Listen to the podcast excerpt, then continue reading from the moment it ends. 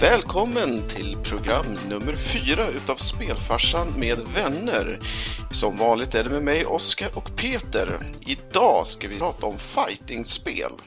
Där vi ska prata om genren överlag. Vi ska för som vanligt då dyka i ett antal eminenta titlar där vi för dagen har valt ut Street Fighter, Killer Instinct, Kings of Fighter och Tekken. Därefter så kommer vi även plocka ett antal sköna alternativa titlar som vi också ska prata om. Så med det så lämnar jag med varm hand över ordet till Peter som eh, introducerar genren.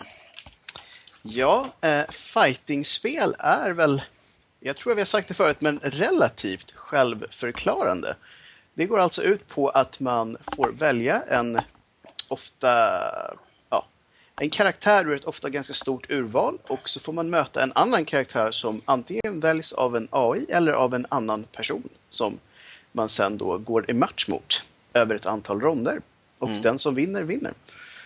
Ofta så brukar det ju vara då två ronder, men eh, även då fem är väl de mest den vanligaste kombinationerna. Då. Jag kan tänka mig att om man körde det här i arkadhallar så var det säkert två som var mm. relativt standard. Jag tror de flesta andra är matchinställningar som man har hittat nytt påfund på senare år, utan eh, bäst av två helt enkelt. Eh, Precis. Och sen så har man ju då ett par andra ingredienser. Man har oftast en klocka, 99 sekunder brukar mm. det vara. Och eh, när klockan eller tiden har tagit slut så är det oftast då den som har mest liv eller energi kvar som vinner matchen. Ja, och skulle det vara helt jämnt så brukar det bli eh, helt enkelt en extra rond. Mm, oavgjort helt enkelt. Ja, klassisk oavgjord. Sen så är det då oftast uppbyggt så att varje karaktär har en mätare. Man har oftast lika mycket energi från start och när man då tar stryk på ett, ett eller annat sätt så eh, sänks då den här mätaren och när den har noll då har man förlorat. Så är det. Ganska enkelt när man ser det sådär utifrån. Mm. Det är otroligt enkelt men det är oftast det som är dragkraften till att det är sånt vansinnigt enkelt upplägg men så fruktansvärt svårt att bemästra. Det är verkligen eh, sanning det här att vem som helst kan spela ett fightingspel men inte vem som helst som kan bli bäst på det. Så är det verkligen. Ofta så brukar man ju oftast jämföra de här typen av spel med schack eh, i och med att oavsett vilket man än väljer så är strategin A och O i och med att du måste hela tiden förutse vad din motståndares nästa drag blir. Ja, det är ju väldigt strategiskt eh, när man tar upp det på en lite högre nivå. Eh, de har ju sett sådär äh, matcher där man inte tycker att det händer någonting. Och sen helt plötsligt så avgörs det snabbt och olustigt för den som förlorar. Och då kan det vara så att den har ställt sig i fel position och den andra kan helt enkelt driva igenom en lång rad med kombo manövrar. Precis. För det är ju också en viktig aspekt av fightingspelen att förutom rena slag, sparkar, eh, kast med mera så är ju då speciella kombinationer av knapptryckningar som resulterar i så kallade specialattacker. Och dessa specialattacker kan bokstavligen vara vad som helst. Det, det finns alla varianter. Signifikant är ju oftast någon form av eldboll till exempel eller någon eh, virvelspark eller någon annat element på något sätt. Man framkallar något som ska då träffa motståndaren. Ja, och ju mer imponerande de är, desto större ljus och eh, ljudeffekter brukar det vara. Så att mm. man ser att man har lyckats med någonting imponerande. Oftast det som är, eh, har kommit på senare tid är ju också då att man genom att utföra de här uh, grundläggande specialattackerna så fyller man upp en specialmätare. Så när den är full så kan man göra starkare varianter utav sina specialattacker. Eller just någon specifik attack som karaktären man har valt har. Mm. Eh, kan det också vara. Det finns ju varianter också där man helt enkelt, ju mer stryk eller ju mer slag du blockar, desto mer fylls också ens eh, revanschmätare eller vad man nu ska mm. kalla det för på också. Redan här så inser man ju då att det, det finns rätt mycket, mycket strategier i de här spelen just med tanke på att man kan planera in stryk eller vad man ska säga. Att mm. om jag tar så här och så här mycket stryk så kommer jag förhoppningsvis hamna i en position där jag kan använda min counter move eller min specialattack och mm. så säga vända matchen genom det. Precis. Och eh, det där brukar ju också vara varianter av att oftast så låser man sin karaktär i någon mening när man blockar, det vill säga att du backar bakåt eller på ett eller annat sätt så att när du gör det så tar du mycket, mycket mindre skada när du blir träffad. Mm. Men det brukar också finnas speciella kombinationer som gör att när du blockerar att du även då kan göra counter moves så att du kan då eh, anf anfalla fast du blockerar så att säga. Mm. Ja, man, man vänder helt enkelt på, på steken, eller på att säga. Man, man fångar upp och får in en snabb motattack. Mm. Eh, men det är ju verkligen en sån här grej som eh, när man ser folk som inte har spelat fightingspel förut så brukar det oftast vara så att man går lös på varandra och sen så är nästa nivå att man börjar reagera på vad motståndaren faktiskt mm. gör och få in lite counter moves. Precis. Sen så har vi ju oftast då när det kommer till eh, karaktärsgalleriet så är det ju oftast att man plockar väldigt eh, specifika typer av karaktärer. Till exempel att det är väldigt vanligt förekommande att du har någon form av marinkårssoldat. Mm. Du har oftast någon form av eh, samurajliknande person. Du har oftast någon form av eh, till exempel punkarbrud och så vidare och så vidare och så vidare. Så det finns ofta en stor eh, wrestler slash brottare eh, sån här, mm. som går i clinch med motståndaren och kör den stilen. Oftast någon som inte är riktigt mänsklig också, någon form av demon eller bäst eller något annat sånt där också som man eh, ja, inte mänsklig motståndare då helt enkelt. Nej, precis. Det finns ju, jag vet inte hur många specifika typer det finns, men oftast så finns det ju några representanter för varje typ av stil som, mm. som folk tycker om att använda. Ja, för att det brukar ju vara den andra varianten, att om man inte blandar in uh, olika, ska vi kalla det, arbetskategorier eller mm. demoner och monster och sånt där, så brukar det vara olika typer utav fighting eh, genrer som eh, går upp mot varandra, till exempel typ karate eller kung fu eller någon annan variant utav mer ex eh, exotiska fighting-stilar då. Ja, nej men visst. Sen också det som har kommit, eller jag ska inte säga att det kommit på senare tid, det har förekommit tidigare också, men det är också tag team. Att du ja. kan ha fler karaktärer i ditt lag och så kan du byta in karaktärer under, under fightens gång så att säga. Där har de ju också ett element av eh, att man ibland kan kombinera den här taggen i en eh, gemensam attack. Mm. Under Precis. en väldigt kort period. Eh, jag tror att det var Kings of Fighters som började med det här, men jag kanske var det ännu tidigare. Det är svårt att säga när jag stötte på det första gången, men jag vet att det var en sån här grej som man reagerade på mm. när det mm. kom. Att jo. det blev ett element till. Det ska ju också sägas att det finns så otroligt många fightingspel så att eh, det är ju det är svårt att säga vem som var först med vad och så vidare. Ja, och även om vi hade fått för oss att vi hade hittat den som var först så är det fullt möjligt att vi hade helt mm. fel.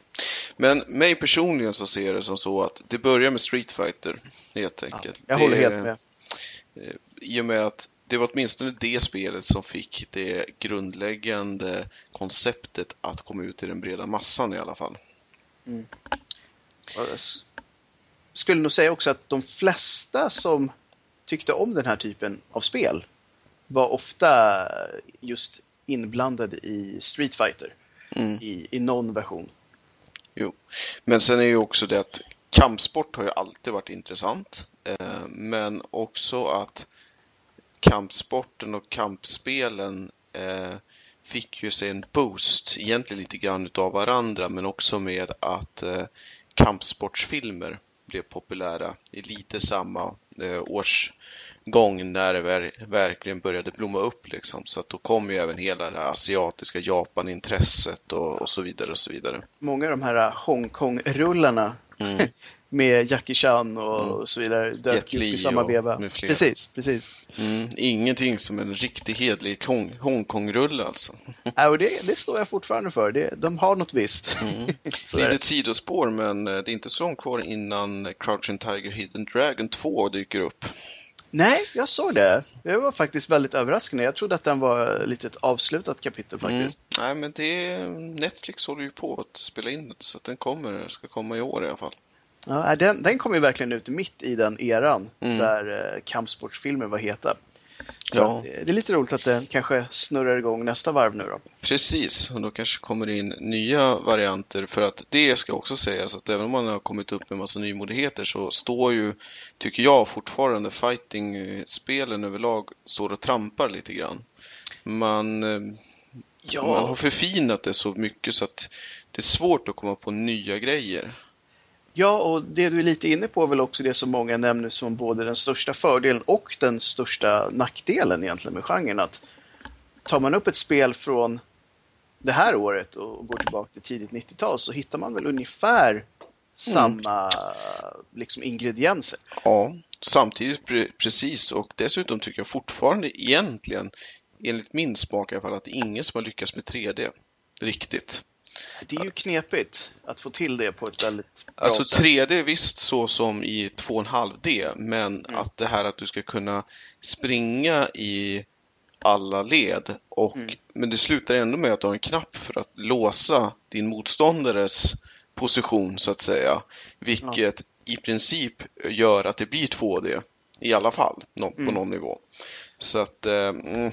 Det är ju alltid knepigt med djup i eh, ett fightingspel. Ja, i spel överlag. Jag tror att möjligtvis man fick till en fantastisk kontroller i någon sorts virtual reality-läge kanske. Där skulle funka. Då. Spännande. Från någon sorts first person perspektiv då. Men eh, innan det så är det ju, det som funkar är ju 2,5D på något sätt. Eh, två fighters eller fler. En bana, låsta väggar liksom på något sätt och sen bara köra. Liksom. Och jag tror att det är väl kanske just det som... Alltså det är all, alla nyheter är alltid häftiga när de kommer, men på mm. något sätt så tror jag att de flesta är ganska bekväma med att man har ett, förutsättningar som är lika för alla och mm. man vet att det är så här det fungerar. Att man kan inte lura någon genom att stå lite längre bak eller lite längre fram. Mm. Du har två stycken kortsidor som man kan använda som att slå folk mot, underligt nog visserligen, mm. men det är så det är och annars är det fritt fram. Mm. Det som också hängt med i hela genren länge, som också varit lite spännande, det är att det har oftast funnits trälådor eller oljefat som man har kunnat ramla på och förlora ja, kraft. det är sant. Det, det kanske vi skulle nämna att det Oftast var det ju en del lite häftigare banor som hade interaktiv eh, miljö. miljö. Ja, precis.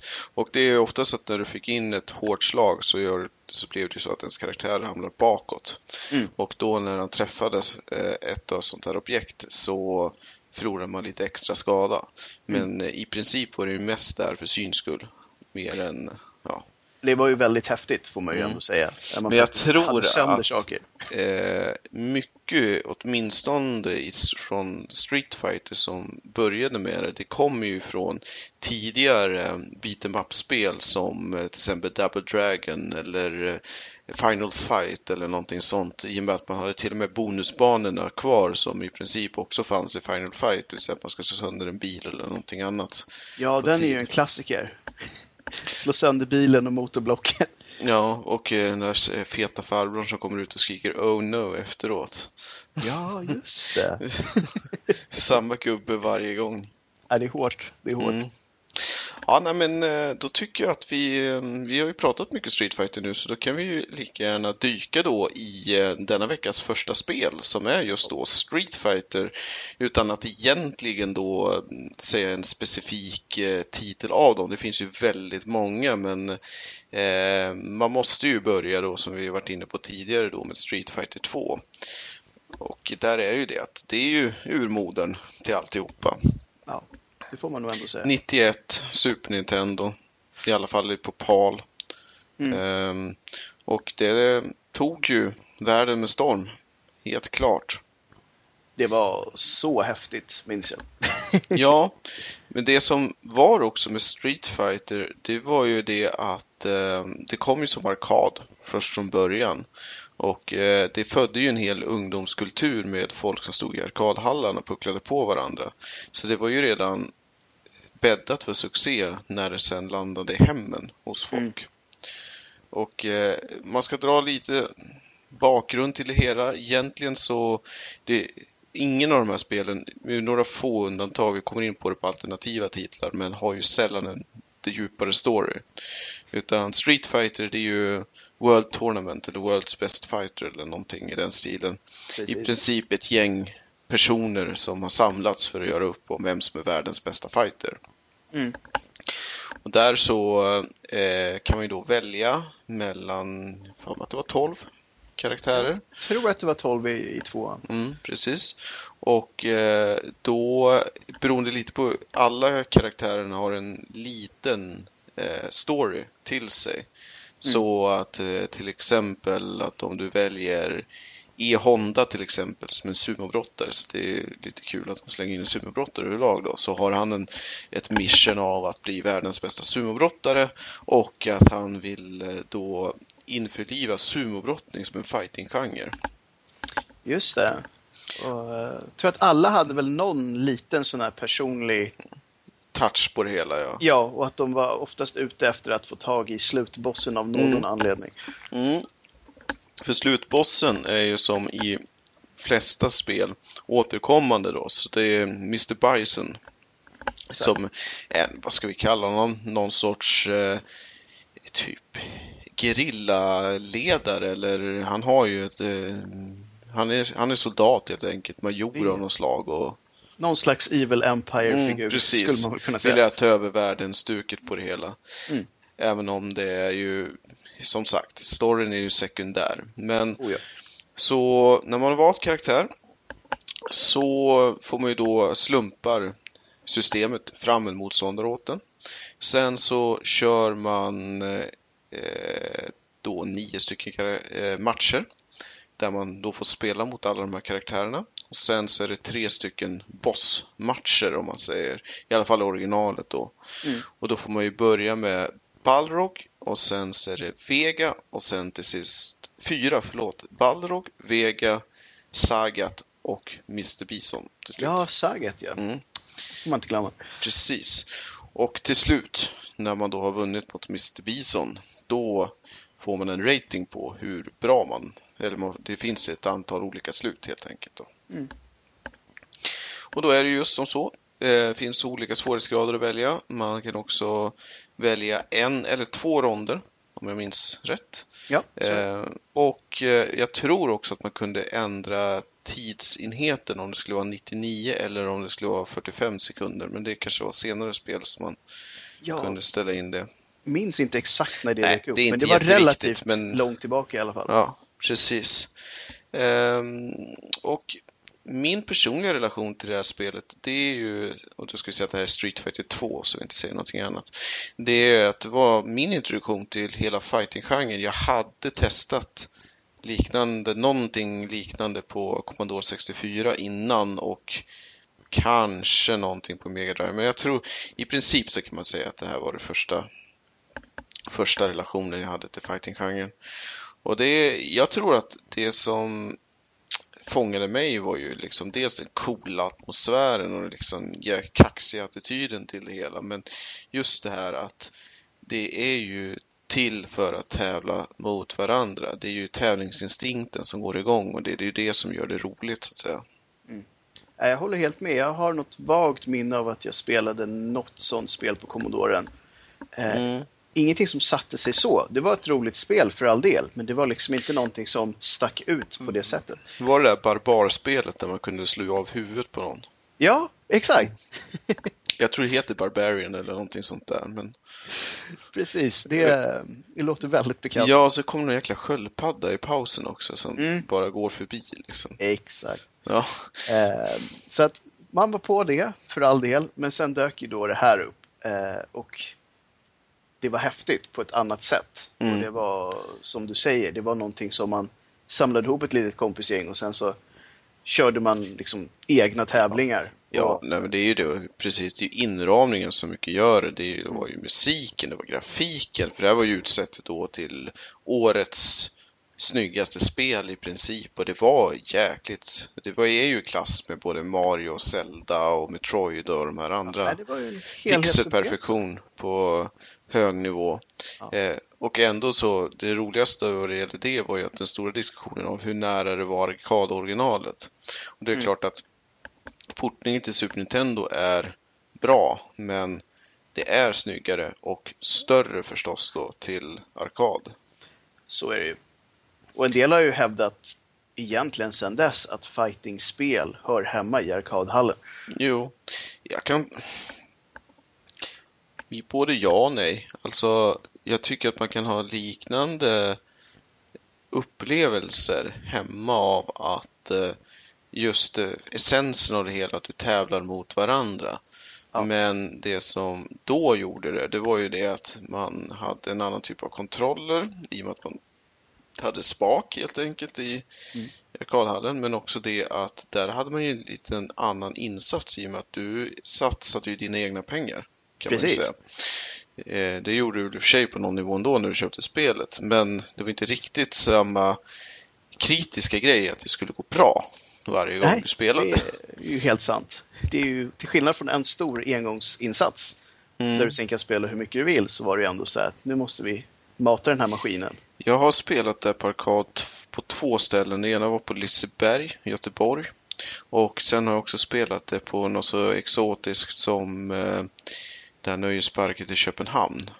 Eh, Jaha, Tivoli? Ja, Tivoli, Tivoli heter det. Ja, precis. De hade också någon arkadhall då, på 90-talet någonstans där, mm. 95 kanske. När de fortfarande där. fanns, eller på att säga. Mm. Precis, jag brukar oftast gå förbi eh, arkadhallen i Liseberg som fortfarande finns kvar. Mycket, inte, tyvärr så har de i princip inga arkadspel kvar, men jag går dit för flipprarna. För de har fortfarande en bra samling flipper. Sånt måste man ju stödja. Lite mm. utflikning här men sånt måste jo, man ändå gilla. Absolut. Det är ju också den fysiska upplevelsen som ja, jag verkligen. tror att gör att uh, man gillar. Men om man ska då nämna lite mm, nyare titlar utav Street Fighter så dök ju Street Fighter 5 upp här mm. Eh, alldeles för, ja vad är det nu, ett halvår sedan, ett år sedan? Närmare ett halvår. En halvår sedan, men sen har de ju släppt lite karaktärer och sånt efteråt till det. Eh, man kan ju säga att de stora nyheterna är ju då förutom sådana här mätare som vi var inne på för specialattacker så har de ju också varianter av att du kan avbryta kombos. Mm. Eh, du har olika långa kombos och eh, du har ju även då att det har som sagt skiftat till lite 2,5D-stuk på det hela. Mm. Eh, och förstås då multiplayer-stöd via nätet, online-läge.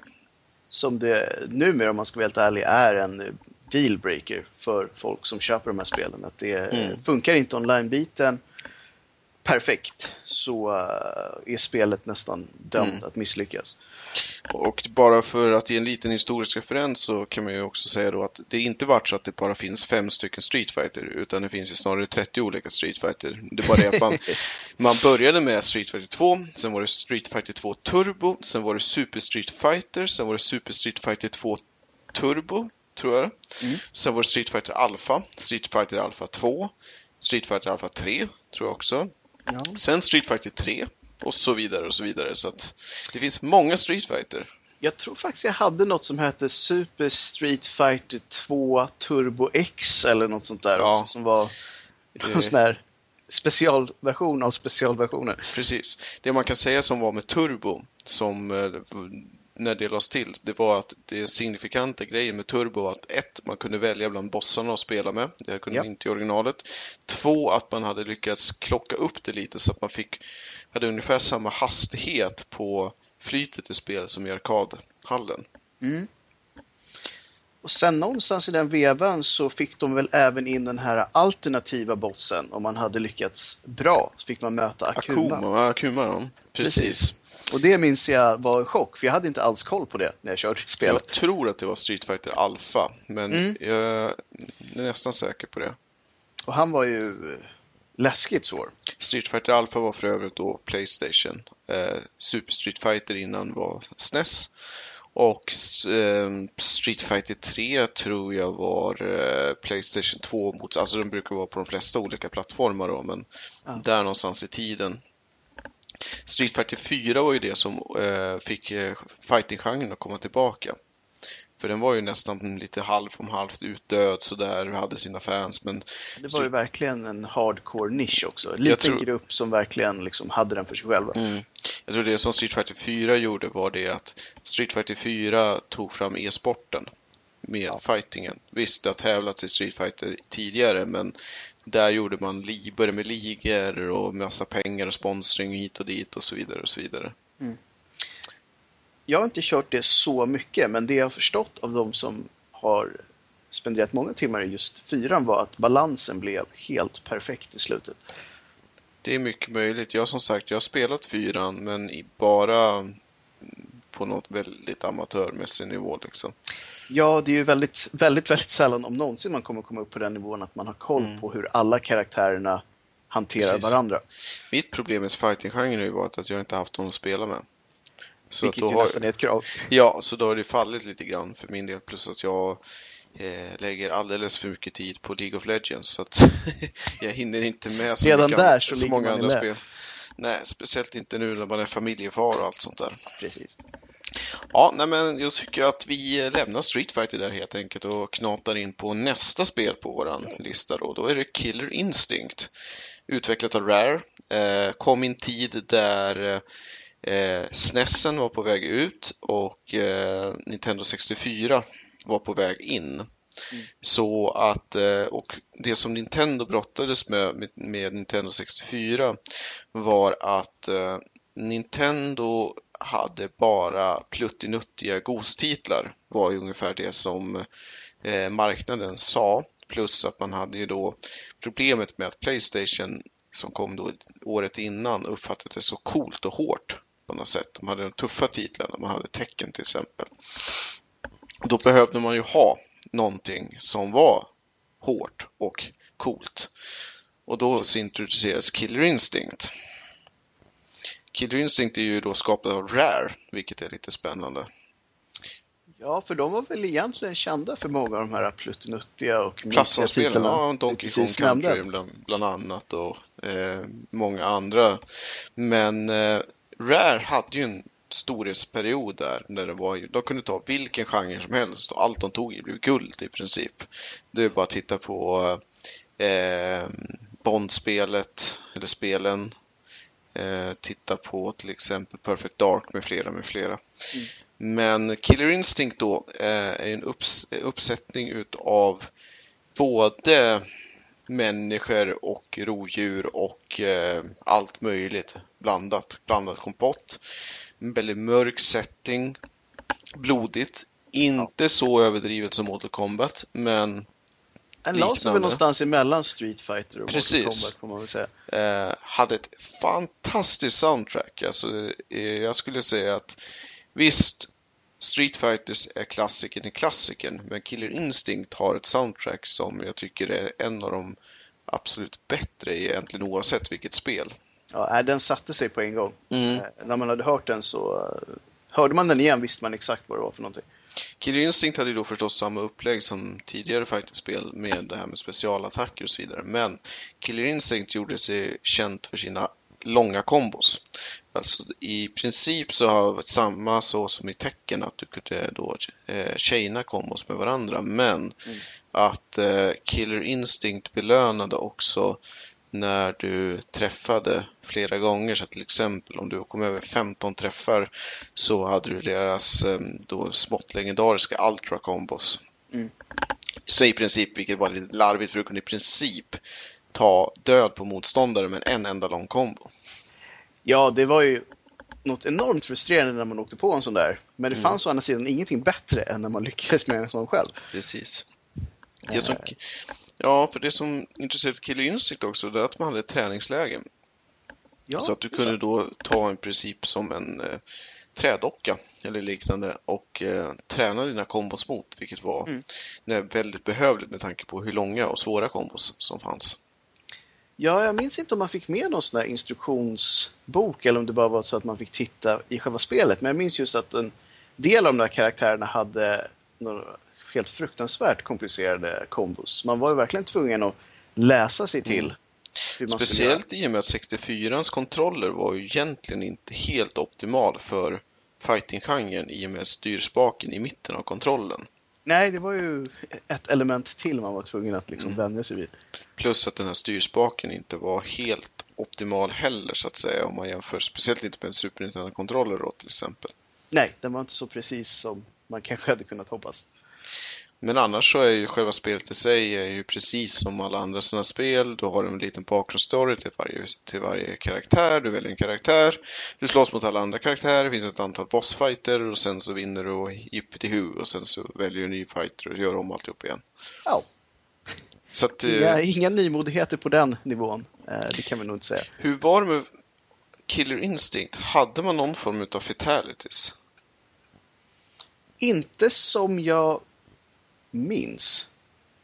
För jag hade för mig att det fanns att man till exempel med eh, eh, den här eh, vargen, att man kunde liksom slita motståndaren i stycken. Men det kanske bara var någon kanske form av fanns finishers, men jag kommer inte Ja, precis. Inte fatalities Nej. Kombat, men någon form av så här äh, avsluta Ja, matchen det äh, tror jag faktiskt kan stämma. Mm. Och även där då får man väl säga att det är väl någon slags mellanläge. För att de här uh, killer moves eh, i Mm. Mortal Kombat var ju väldigt långt ifrån eh, barnvänliga. Mm-mm. Men Killer Instinct å andra sidan eh, kom ju en tid att efter den värsta moralpaniken runt Mortal Kombat Mm. så var inte det riktigt mycket lika stor story runt det som det Nej. hade varit med Mortal Kombat. Så att man slapp ju den biten så sett. Ja. Även om, som sagt, det var inte så pluttinuttigt som Street Fighter är jämförelsevis då är då, så att säga. Nej, det, en del har ju faktiskt valt de här um, Mortal Kombat specifikt för att de tycker att de här uh, avslutningsmovesen är så häftiga. Mm. Så att det finns ju en liten nisch för spelare som gillar sånt mer. Precis. Som det råa och hårda. Killer Instinct finns ju också att plocka upp fortfarande på Xbox Live. Mm. Så att eh, för den som vill så absolut. De har ju också förbättrat det då med grafiskt sett. Oh ja, eh, det har gått fram. Och det finns ju även då om man vill plocka upp eh, Killer Instinct 1 och 2 så tror jag även det finns i den här Rare Collection. Mm. Precis. Rare Collection är också en sån där grej som jag eh, absolut rekommenderar att man ska titta Det är som en närmare liten på. låda med guld, Mhm. eh, om man ska vara helt ärlig. Precis. Det är eh, nostalgiguld, visserligen, Mm. men det är väldigt prisvärt för det man får. Ja. Och det är en väldigt liksom, bra paketering med information kring spelen också. Rare är också en sån här spelstudio överlag, precis som jag tycker med- med Westwood att man eh, har gjort i väldigt många väldigt, väldigt bra spel, men att man har tyvärr liksom käkats upp utav en annan utgivare kan man Ja. säga. Så att man inte det blev liksom ingen själ kvar och så föll konceptet överlag. Ja, på något sätt så sög de ur den andan som, Mm. som gjorde det magiskt. Och sen exakt Precis. vad det var är väl lite oklart, men man märker så tydligt när den inte finns kvar. Mm. Nej, det var stora krokodiltårar när EA köpte upp Westwood, alltså fy fan. Ja, och när Rare såldes vidare så kände jag också så här att Vilka var det? Var det Microsoft? Eller? Jo, Det är Microsoft. ja, de köpte ju Rare igen. Från Nintendo till Microsoft. Och då försvann ju folk till höger och vänster. De gick ju bland annat till Blizzard och det fanns ju massa varianter på vart folk tog vägen från Rare. Ja, och det finns ju även nu en liten studio som håller på med den själsliga uppföljaren till uh, Banjo-Kazooie Mm, i uh, just Yooka-Laylee. Mm. Men jag har för mig att det var så här med Rare att det var liksom inte, även om de var väldigt stora, så att de var inte sådär super, det var inte som ID Software på något sätt. De bo, hade ju något hus liksom ute på engelska landsbygden någonstans och Ja, det är någon liten herrgård de sitter Ja, i. precis. Och liksom satt ett gäng och drack Jolt Cola och programmerade. Så det var inte alls så där flashigt som ja, ID till exempel. Det känns, det känns väl lite som att det andades lite mys engelska landsbygden Mm. över hela företaget. Jag har läst någon sån här eh, intervju eller reportage när de pratade just om det här att troligen till varför de gjorde så bra spel var ju för att de verkligen jobbade ihop, hade 100% fokus. Så det var inte så mycket mer runt utan Det Ja, var plus- en liten, liten gaming-oas på många. Ja, och sen att de förstås var väldigt duktiga på vad de gjorde. Det ska man ju inte sticka under stolen med. Men jag tycker att, jag tror aldrig jag varit med om en eh, utgivare eller en spelbyrå som har lyckats med att sätta så många olika genrer. Under göra- relativt kort tid Ja, också. och göra bra spel på det. Nej. Nej, det är imponerande, helt klart. Ja, ja precis. Och sen, eh, men efter Killer Instinct då så kommer ju ett av mina absoluta favoritfighters och det är då Kings of Fighter som är en, ska vi säga, en tidig föregångare till det här crossover-tänket kan man säga. Det började med Kings of Fighting 95 där man helt enkelt tyckte att varför inte bara plocka de bästa fightersna från alla andra spel och slänga ihop dem i ett nytt spel. Så kan det ju, bli, kan det ju förstås bara bli ännu bättre. Så det vad man gjorde helt enkelt är att Kings of Fighter har en eh, hel del kopplingar till Sega. Så att det var mycket karaktärer ifrån Fatal Fury till exempel, men även då från Street Fighter, eh, plus ett par andra eh, lite mer alternativa titlar som jag inte kommer ihåg. Mm. Det som var med Kings of Fighters som är till skillnad från övriga spelen, det är just det att de hade det här tag team funktionen redan från start. Dock kunde man inte i, i första spelet, eller första spelen, så kunde man inte byta karaktär under matchens gång, utan du valde helt enkelt tre karaktärer.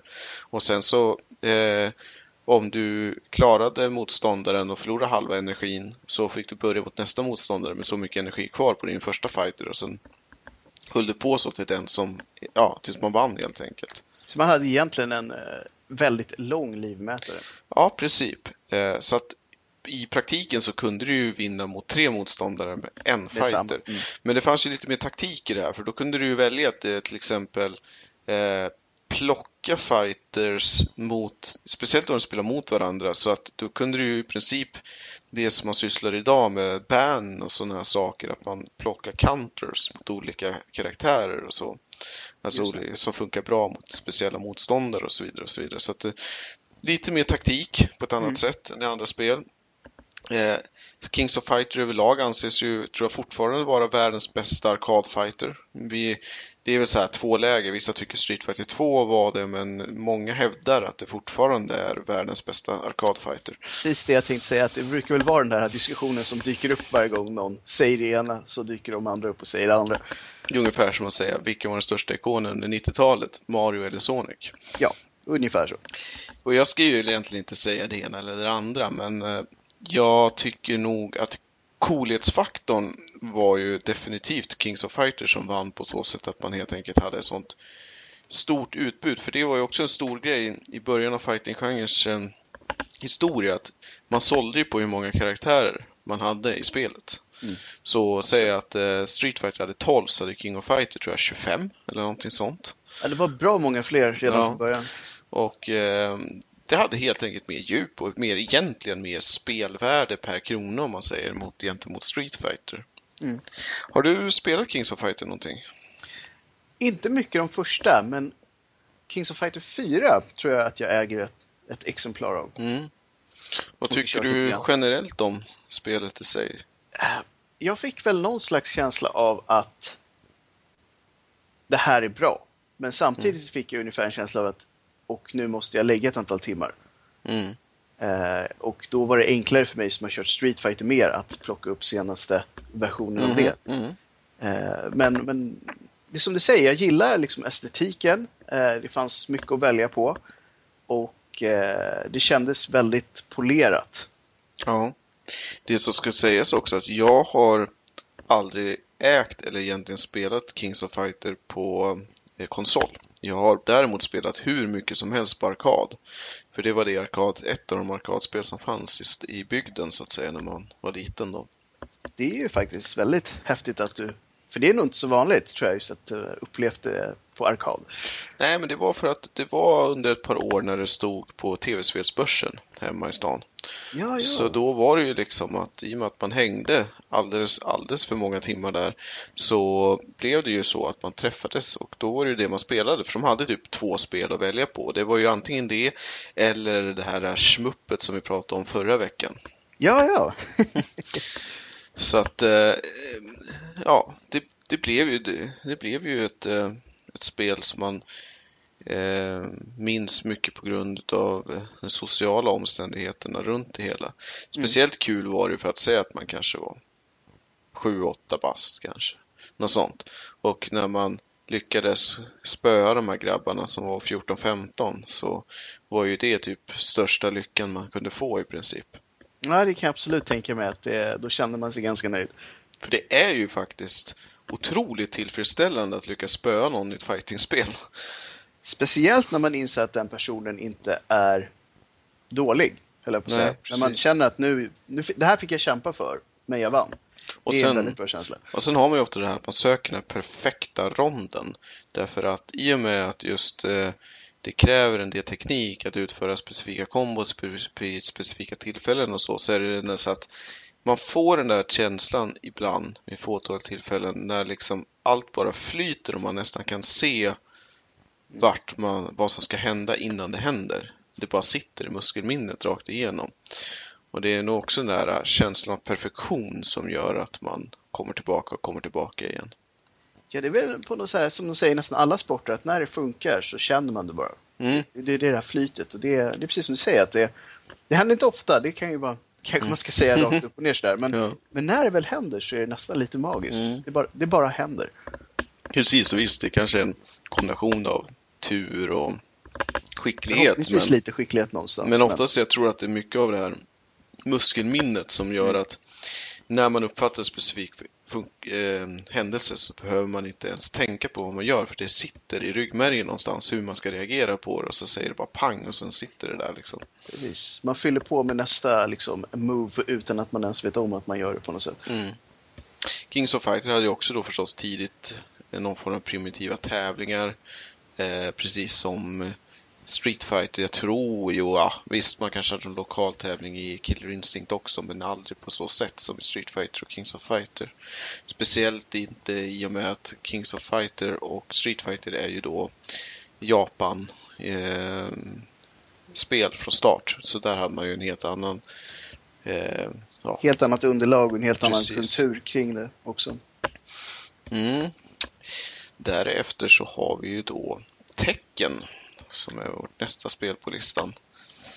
Tecken är ju då precis som alla andra spelen eh, eh, ungefär samma upplägg men Tecken hade ju då ett försök att introducera 3D redan från start. Inte på så sätt att du kunde vrida kameran men du kunde sidesteppa, det vill säga att du kunde röra dig runt motståndaren. Eller hur man ska kunna förklara det på något sätt.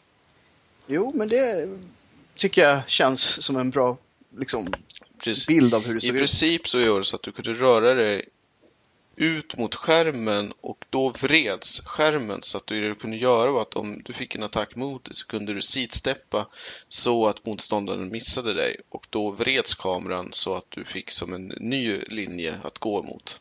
Mm. Eh, Tecken var ju också då ett stort dragplåster för Playstation. Playstation var i princip nytt med Tecken. Te- Playstation såldes med ett demo utav Tecken. I alla fall eh, det versionen jag köpte utav Playstation, det första Playstation jag ägde då. Ja. Men det var Eh. nog ganska vanligt tror jag, för jag har stött på flera som hade den kombinationen.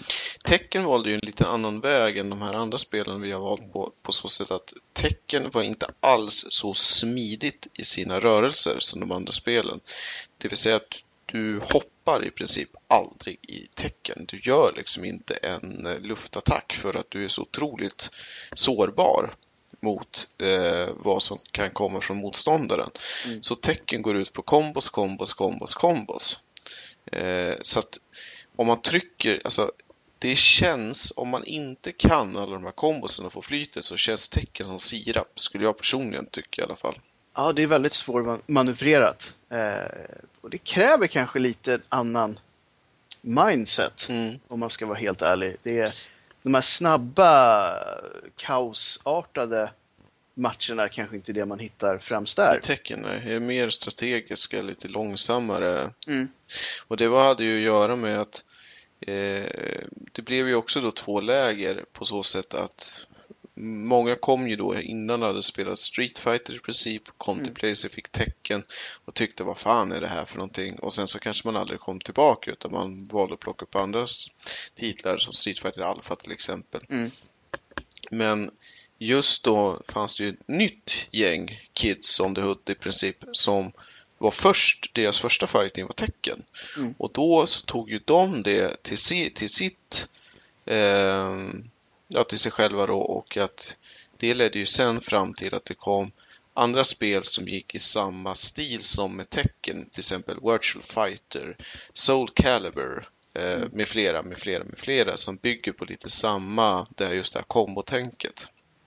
Ja, det var väl egentligen exakt som du säger att för oss så kändes det nytt och annorlunda. Men för den generationen som precis startade sin fighting-karriär så, så var det som vilket spel som helst. Mm. Vilken var din favoritkaraktär?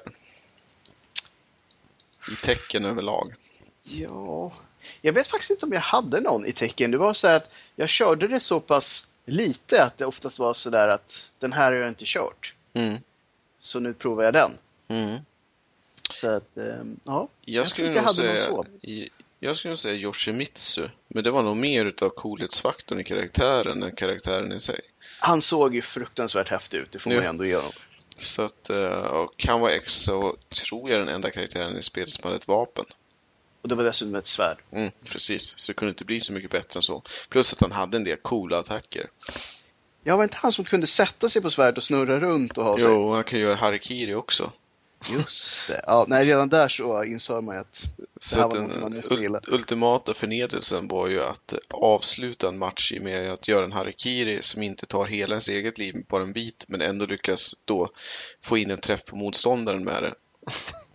så att det är så här roliga grejer man minns. Eh, Ja, det finns nej. ju Paul till exempel, finns en annan, det finns, finns många. Tecken hade ju också då, det- man har ju gjort ett antal år så att man, in, det får man fyller på med ganska mycket karaktärer redan från start. Så man hade i alla fall ett 20-tal karaktärer Mm. att välja på. Med lite olika stilar. Eh, plus att man hade då en helt ny, man hade ju gått från pixlar till polygoner. Eller voxlar eller vad det nu var för någonting.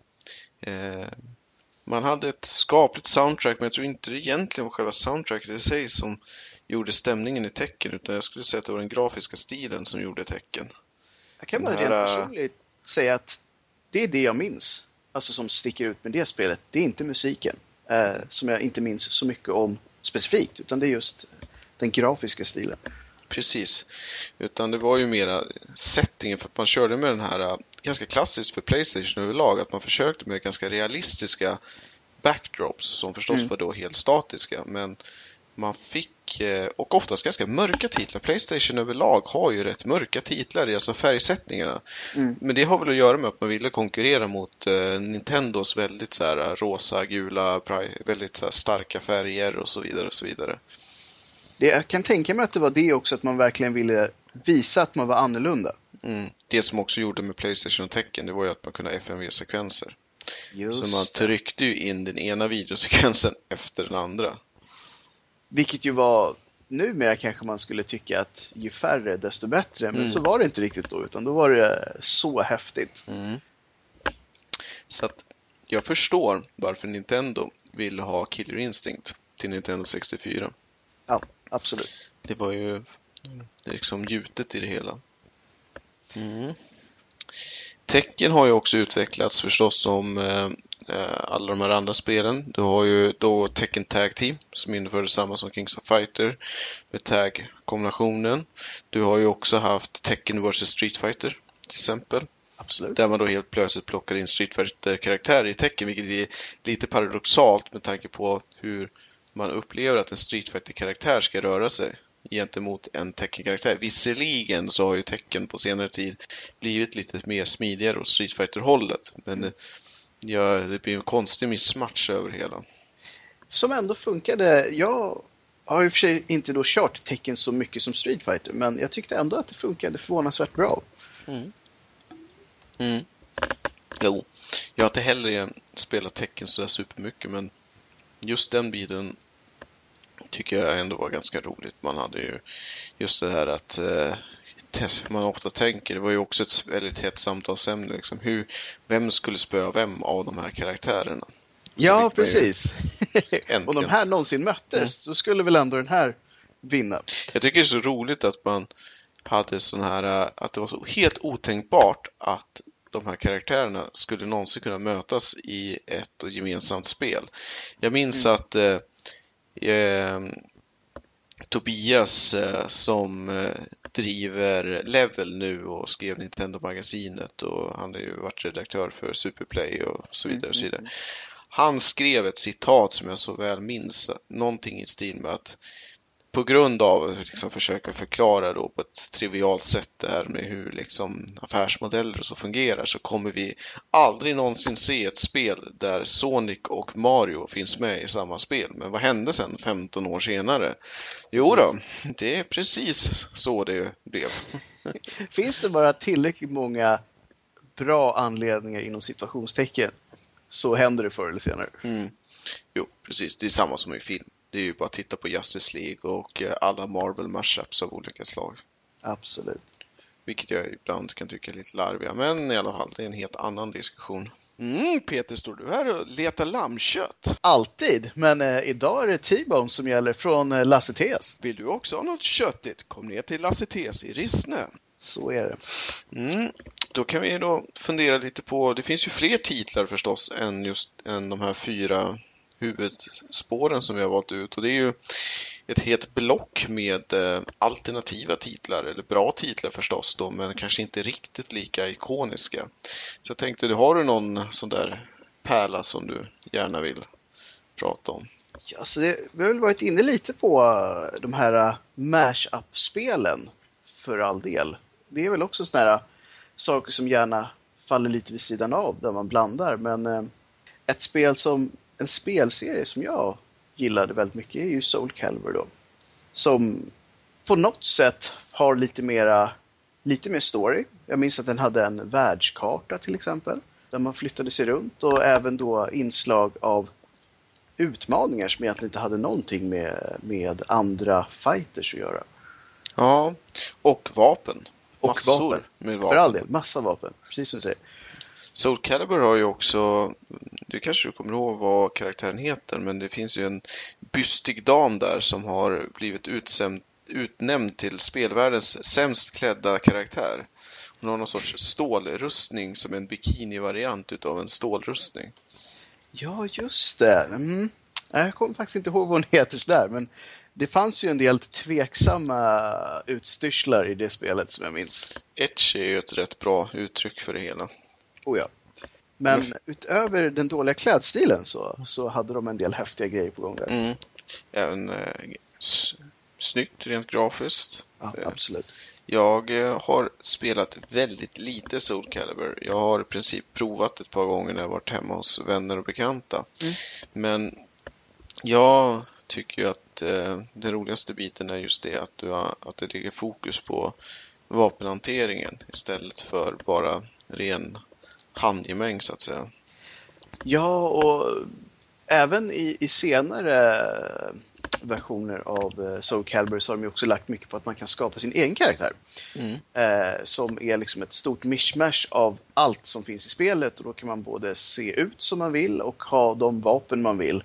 Och om man känner att man har fått liksom en bra balans så kan man även ge sig på, uh, det hette någonting med Tower of Doom eller något liknande där man då ska ta sig igenom ett stort antal nivåer mm. uh, med utmaningar. Ja, men uh, Soul Calibur är nog liknande, min, en av mina favoriter som inte heller är superkänd nu för tiden åtminstone är då Fatal Fury ett Sega fightingspel mm. från Sega som eh, introducerades som en konkurrent till Street Fighter.